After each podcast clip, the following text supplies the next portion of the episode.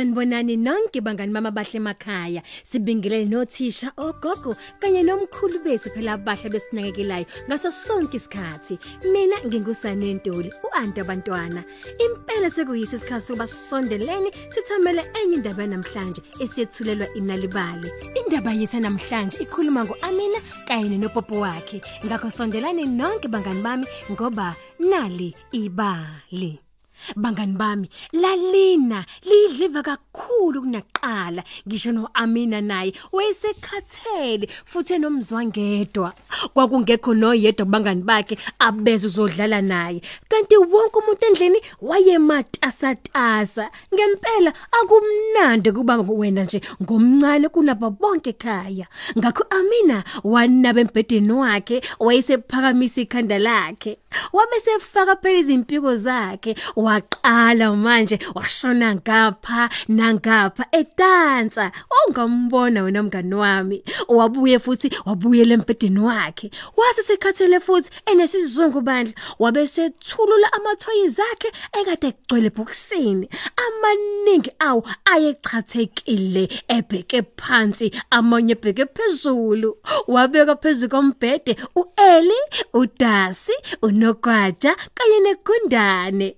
Babezoba nephathi yetiye uma nje washeshe wathola ithiphothi wafinyelela ebhokisini lamathoyizi wahlangana nopopo wakhe uWhatzit igama lakhe owayekade engenabo buso awubandla. uWhatzit wayengenayo ngisho imlenze ubuso noma ke nje izandla kungenani konke nje kwakungekho.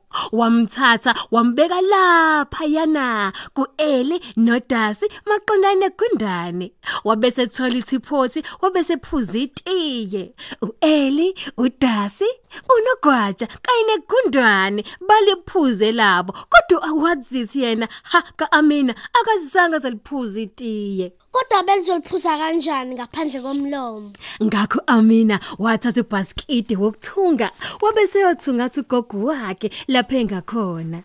Hawo mzekolo eh, eh, yini lena? Kubuza ugogo. What's it unobob wami Kusho uAmina. What's it udinga umlomo Awu kukulungile mzukulu. Hayi kulungile mzukulu wami. Kodwa ke ku- kuzomela isisheshise. Awungimatasa tasa kabi kanti kunanomsebenzi omningi kabi o- okumele ngwenze msukulu ugogo kaAmina wamlekelela bandla ekuthungeni umlomo kaHabzit waba muhle dade umlomo wakhe. Hey wawungabona lapho ekade sewumoyizelisa khona ikhala Kubuza uAmina kodwa vele nogokwakhe wekade ngalalele ngakho uAmina wahamba wayobheka usisi wakhe ophakathi nendawo uFozia. Yini lena? Kubuza uFozia. What's it? Kuphendula uAmina. What's it? Udinga ikhala. Kulungile. kuphendula uFozia. Kuzomela sisheshise. Vele nami ngimatasatasa nje namhlanje. Nginomsebenzi omningi kabi. awunebala wamlekelela uFozia ekuthungeni ikhala amehlo wona kubuza uAmina kodwa bangani bami uFozia wekade ngalalele naye awu ngakho kuAmina wahamba wayobheka usisi wakhe omdala uSharon endleleni eya kuye ubaba wakhe wambona Yini ke manje leyo? kubuza ubaba wakhe What's it kuphendula uAmina What's it udinga amehlo Hayi ke kulungile khona enginawo. kuphendula ubaba wakhe Kodwa kuzomela sisheshise. Ngisasala lo msebenzi omningi kabi. uAmina kanye nebaba wakhe bawathunga amehlo kaWadzithi bawathungela ha abamahle mngani wami umsila wona kubuza uAmina Hayi ke cha ke ndidakazi. Ngeke ngikwazi ukukusiza ngalokho.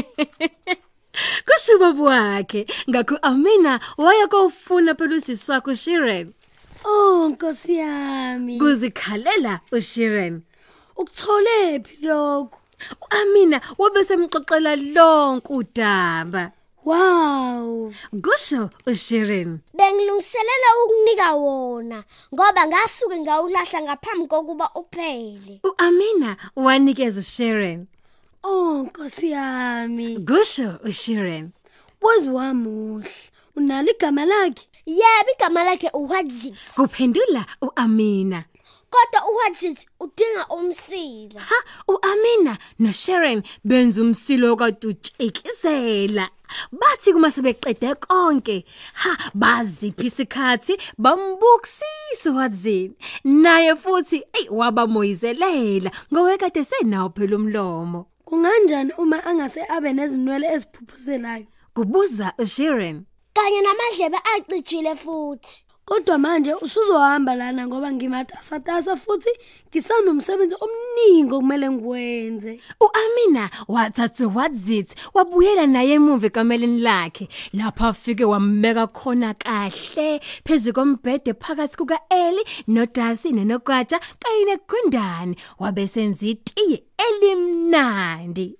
uAmina waphuza inkomisha yodwa kanjalo noEli uDasi unogwaja kanye negundane. Kodwa wazithi wayengevenqaniwe bangani bami. Ngakho yena waphuza izinkomishi ezintathu zetiye bangani bami. Awubaleka yino auntie kunye kubili kuthathu. Ehene izinkomishi ezintathu zetiye ngoba impela wayeselinde isikhathi eside.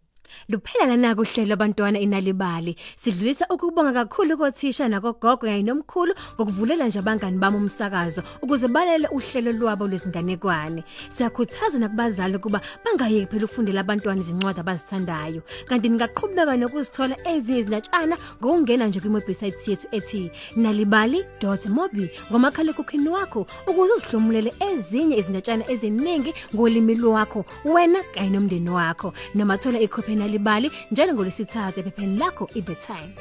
Ni sale kahle.